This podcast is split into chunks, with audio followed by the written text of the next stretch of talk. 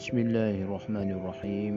الحمد لله رب العالمين وبين نستعين على امور الدنيا والدين والصلاة والسلام على أشرف الأنبياء والمرسلين سيدنا محمد وعلى آله وصحبه أجمعين أما بعد. رب اشرح لي صدري ويسر لي أمري واحلل عقدة من لساني يفقهوا قولي. يا فتوى يا عليم اللهم صل على حكمتك وانشر علينا رحمتك ونجنا رحمتك يا رب العالمين